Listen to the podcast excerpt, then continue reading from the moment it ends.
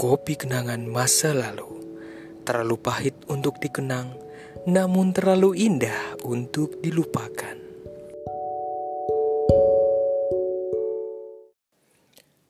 Akhirnya tiba juga ke episode 180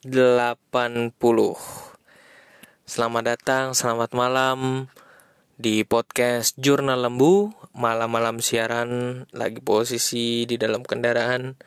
Suasananya sangat hening enak buat uh, cocok. Ini tempat cocok banget buat bisa ngepodcast gitu ya. Dan hari ini 180 berarti spesial banget. Hitungannya angkanya tuh enak banget. 100 terus kemudian 80 gitu. Ya jadi uh, angka yang enak banget buat di angka genap-genap gitu enak deh gitu ya. Angka 180 tuh. Dan bicara soal lagi hits lagi kembali bicara soal Bitcoin ya.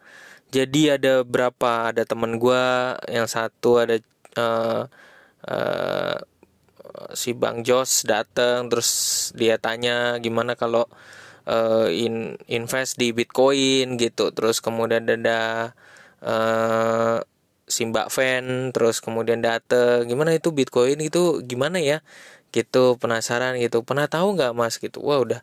Aku udah tahun berapa ya? Udah tahun waktu waktu Indodax dulu. Orang kan sering banget kan kalau mau main Bitcoin cryptocurrency kan mainnya kalau di Indonesia itu Indodax ya. Tapi waktu awal-awal itu uh, namanya belum Indodax, namanya lain gitu. Kalau nggak salah, kalau seingat aku waktu itu aku main itu namanya Bitcoin Indonesia gitu. Ya, jadi aku udah lama nyoba juga pakai waktu itu udah lama ya. Yang lagi trennya tahun berapa ya? Oh, cukup lama ya. Tapi pada saat itu, pada saat muncul itu namanya belum Indodax itu ya. Um, itu ada satu mahasiswa kayaknya pakai juga ya. Satu mahasiswa eh itu dia main Bitcoin juga. Dia ngajak aku ngajak aku gitu juga. Dia cerita bagaimana dia waktu pertama dia naro karena um, ilmunya jadi dia belum ada tapi duitnya ada dia masukin dulu nih 5 juta karena ibunya nitip ceritanya. Terus kemudian pas sudah main ternyata dia pikir dia bisa uh, apa namanya menghasilkan dan ternyata malah minus gitu. Jadi jatuh nih ang angkanya duitnya jadi jatuh um, terus kemudian setelah jatuh itu terus kemudian dia cerita lagi dia uh, waktu itu akhirnya ditagi sama ibunya mana duitnya gitu. Terus kemudian dia ya dia nggak bisa jawab karena duitnya nilainya udah jatuh gitu ya lagi mengalami penurunan lalu dia geber lagi pas satu kesempatan pas lagi saya ngajar gitu dia halo pak gitu. Terus kemudian iya pak aku naruh lagi eh, 12 juta gitu. Terus tapi uh, waktu itu sempat untung terus kemudian habis itu minus lagi gitu. Jadi memang bukan sekali lagi nggak ada maksud buat uh, kita nyalahin uh, apa namanya Indodax atau apa gitu. Tapi ini soal perilaku perilaku aku kembali bukan soal salahnya perusahaan, uh, salahnya cryptocurrency bukan itu, tapi perilaku. Perilaku yang masih uh, sangat uh, apa namanya? masih prematur banget langsung tahu-tahu langsung masuk ke dunia itu. Nah, kemarin itu pas banget ada siarannya dari pas aja pas gue lagi buka uh, konten news terus kemudian ada siarannya si uh, apa salah satu uh, apa namanya uh, panutan gue juga uh, kiblat gue juga namanya Mas Rian Filbert. Dan dia cerita di situ ketik di konten news itu nanya ngomong gitu uh, soal ngomongin soal Bitcoin. Tapi menarik uh, kayaknya menarik ya kalau kekuatannya Mas Filbert itu bers, uh, menceritakan pengalaman da dengan cara analogi gitu analogi sifat uh, uh, sifat dasar manusia gitu ya. Yang kemarin tuh pas kerennya begini kayak dianalogikan orang-orang pada uh, hype dengan dengan Bitcoin terus kemudian uh, itu dianalogikan wah pas banget kemarin tuh dianalogikan dengan begini. Ada orang uh, kalau nggak salah ada orang mau belajar naik mobil tapi langsung naruhnya di sirkuit gitu di sirkuit. Kan nggak match ya kan berbahaya gitu. Orang baru mau belajar naik mobil tapi langsung dikasih digeber di di sirkuit. Nah itu kan sangat berbahaya banget. Jadi analogi ini bagus banget bahwa uh, sering kali kita nggak punya basic kita belum punya basic bahkan baru mau coba-coba tapi udah dikasih resiko tak langsung dikasih tantangan yang paling tinggi tanpa tanpa belajar dulu tanpa tahu dulu tanpa uh, uh, apa namanya mempelajari dengan uh, sistematikanya dan uh, bagaimana kecenderungan-kecenderungannya, apakah untung buat kita atau enggak, terus kemudian bagaimana cara cara kerjanya, gitu juga kadang-kadang nggak dipelajari dengan benar. Terus yang menarik analogi juga um, bagus banget yang Mas Ryan Filbert gitu ya uh, ajarkan gitu. Jadi kalau kita mau berinvestasi sesuatu ya kita juga harus belajar dari sejarahnya ke belakang gitu.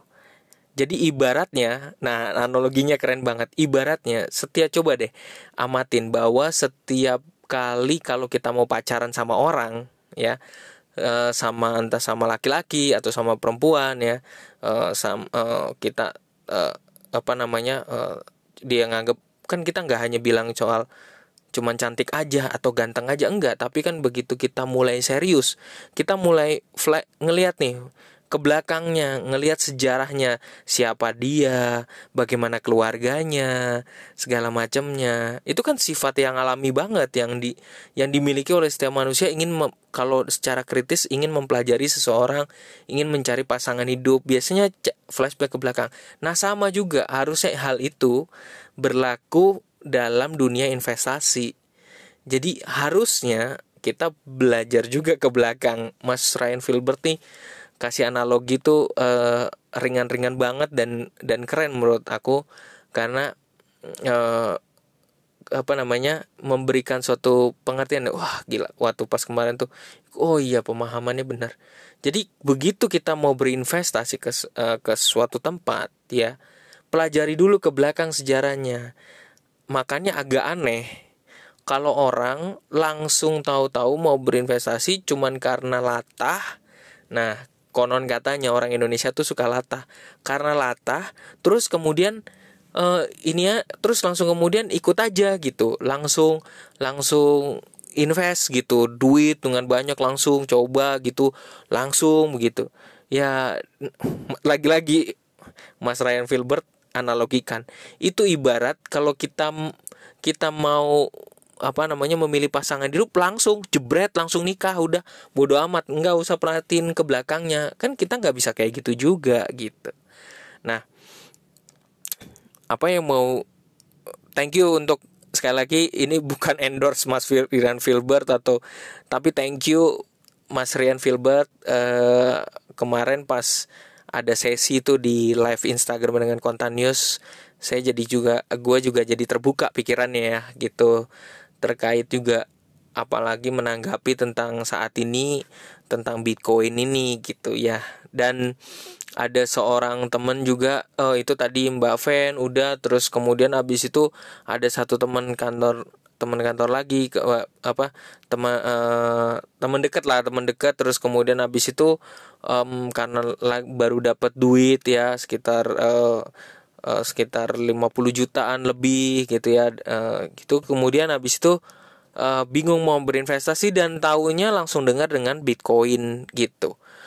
Kalau mau stepnya uh, stepnya di baratnya dari bawah ya. Kalau yang mau paling dasar banget kita urutin dari bawah misalnya buat invest ya buat invest kita bicara yang paling dasar dulu. Pertama paling dasar tuh tabungan. Uang-uang fisik yang tabungan yang paling dasar. Kita nabung di mana di sekolah, di di di bank ya. Kemudian uh, tingkat keduanya itu uh, namanya ada um, deposito ya kan terus kemudian setelah deposito di atasnya itu kurang lebih ada reksadana kemudian habis itu ada obligasi di atasnya kemudian ada um, namanya uh, saham ya. Saham kemudian habis saham mulai tuh yang derivatif yang yang transaksi-transaksinya kayak falas, falas emas segala macam uh, apa namanya akhirnya pada titik poin oh, yang model-model forex kemudian habis itu titiknya ya terus akhirnya sekarang juga masuk di era daerah-daerah paling atas ya yang resiko high risk high return ya konon katanya begitu ya di cryptocurrency itu gitu. Jadi kalau mau cari aman ya di bawah paling aman ya di tabungan gitu. Kalau mau lebih aman tapi ada untungnya dikit ya udah mulai reksadana deposito ya gitu mulai gitu. Tapi memang baiknya kita mengenal dengan banyak hal diversifikasi. Kalau kita invest tuh jangan satu tempat diversifikasi. Tapi jangan langsung main invest saja. Belajar cari ilmunya dulu lihat flashback ke belakang lihat sejarahnya pelajari semua. Dimulai nah kemarin menarik Mas Rian Filbert bilang gini di kalau misalnya apa yang bisa kukuasai uh, investasi apa yang paling cocok sama gua? Gitu lakukan investasi yang paling dekat dengan yang kita kenal. Kalau memang kenalnya emas, invest di emas. Kemudian habis invest di emas baru kenal, coba belajar lain, jangan langsung masuk. Kalau misalnya kenalnya langsung reksadana, masuk di reksadana gitu, nyoba terus kemudian kenal dan belajar yang lain juga. Kalau kenalnya saham, masuk di saham, kenal dengan baik, pelajari, masuk juga di tempat yang lain. Jadi ada diversifikasi, ya. Jadi kita juga sama-sama uh, apa namanya uh, belajar gitu. Pertanyaan yang paling mendasar kembali lagi, apakah Bitcoin itu bagus? Apakah rekomendasi buat main Bitcoin? Uh, sekali lagi dikembalikan kepada Anda apakah kebutuhannya memang tujuan dasarnya apakah sudah jelas untuk berinvest. Jadi bukan alatnya dulu, bukan instrumennya dulu yang dicari, tetapi tujuannya dulu. Kalau saya ya, pertama-tama tujuannya dulu. Mau invest apa pun bisa, segala macam bisa. Ada asal ada duitnya. Tapi problemnya adalah tujuannya dipelajari dulu. Lu tuh mau masuk ke situ karena tujuannya apa? Karena mau coba-coba, karena coba-coba terus kemudian duitnya hilang kalau berani ya nggak apa-apa gitu. Tapi kalau misalnya seluruh gaji terus kemudian karena ikutin feeling kemudian masukin bitcoin dan ternyata itu untuk kebutuhan sehari-hari tahu-tahu nanti habis itu duitnya jatuh duitnya turun nilainya drastis uh, karena volatilnya cukup tinggi banget anda pasti shock anda pasti kaget nanti sakit jantung anda gitu. Jadi kenali dengan baik gitu ya. Kalau yang mau paling aman sekali lagi nabung di bank dan yang paling resikonya mungkin kecil bisa masuk di reksadana pasar uang.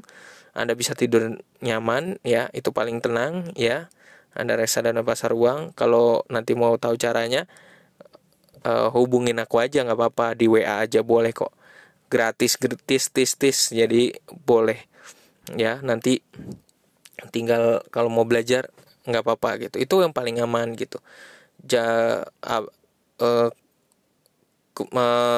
ada satu teman itu kebetulan pas nanya kayak gitu nih ada ada duit nih sekitar 50 juta gitu. Terus kemudian habis itu dapat nih dari BPJS gitu ya. Terus kemudian habis itu nah gue malah gue malah nggak langsung nyuruh untuk masuk.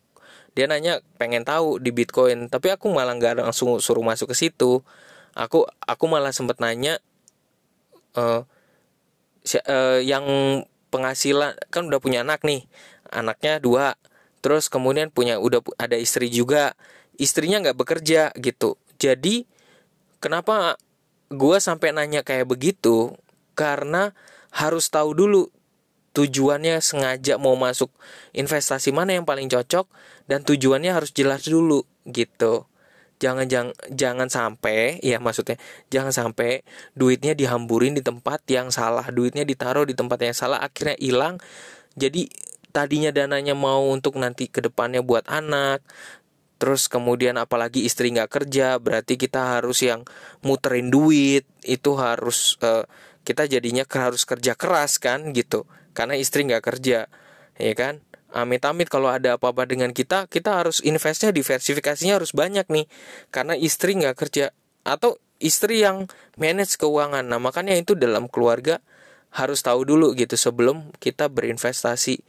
jangan sampai kita berinvestasi sendiri aja gitu istri nggak tahu-tahu ada apa dengan kita istri bingung nanti kewalahan nah itu hal-hal sepele yang sering kali uh, terlewatkan gitu uh, gue bisa ngomong kayak gini karena ada pengalaman di masa lalu ada pengalaman buruk di masa lalu dan ada pengalaman-pengalaman di mana hal kayak begini dirasain juga sama gue, sama saudara-saudara gue, saudara kandung.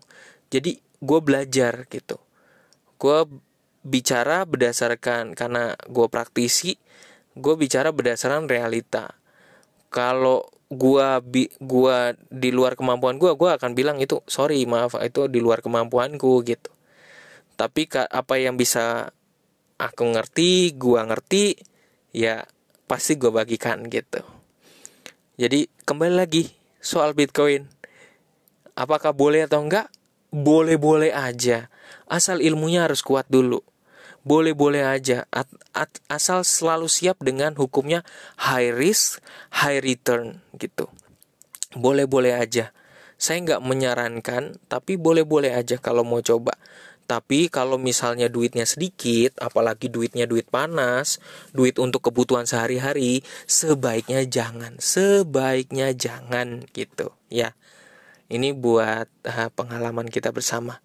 Oke, gitu dulu aja. Uh, cukup panjang nih penjelasannya. Um, nah, nanti di bawah itu nanti di kolom itu ada beberapa berita dari internet yang kita bisa baca uh, lit, apa literasi uh, dari sumber-sumber yang bisa kita baca supaya menguatkan kita. Nanti ingeti apa semoga nanti gue bisa masukin di di captionnya ya linknya sehingga kita bisa baca buat kita bersama gitu ya. Oke gitu dulu dari uh, gue selamat malam uh, selamat istirahat. Semoga terinspirasi, tetap semangat. Thanks buat teman-teman sekali lagi buat teman-teman yang mendengarkan podcast gue di 13 negara. Terima kasih banyak atas kesetiaan teman-teman untuk dengerin. Semoga uh, eh, gue juga terus bisa menginspirasi buat uh, semuanya mencari hal-hal baru, uh, memberitahukan tentang hal-hal baru dan uh, semoga teman-teman juga setelah mendengarkan ini juga bisa praktek untuk kehidupan uh, berbagi dengan yang lain. Jangan uh, apa namanya um, ya berbagilah dengan berbagi dengan yang lain gitu secara gratis ya. Uh, karena berbagi itu indah. Ketika lu pengen berbagi tapi karena nggak punya duit lebih baik lu berbagi dengan ilmu. Wah itu indah banget ya Thank you juga buat uh, buat Mas Rian Filber, terima kasih ilmunya tiba-tiba kemarin bisa dengar itu uh, luar biasa banget dan thank you juga uh, buat uh, website Indodax yang akhirnya bisa memperkenalkan gua juga dan teman-teman yang lain yang saat ini uh, lagi berinvest di uh, cryptocurrency. Terima kasih. Uh, dan semoga Indonesia kita makin maju terkait dengan financial technology. Dan selalu tolong tetap selalu berhati-hati dengan fintech fintech abal-abal ya fintech fintech ilegal ya. Jadi kalau lu mau penasaran fintech ini ya ilegal atau legal datang aja ke websitenya OJK untuk lo lihat ketik aja di uh, Google uh, di Google ya gitu. Terus kemudian lo ketik aja yang yang resmi yang mana yang bukan yang mana. Selalu hati-hati dengan investasi bodong. Selamat malam. Bye bye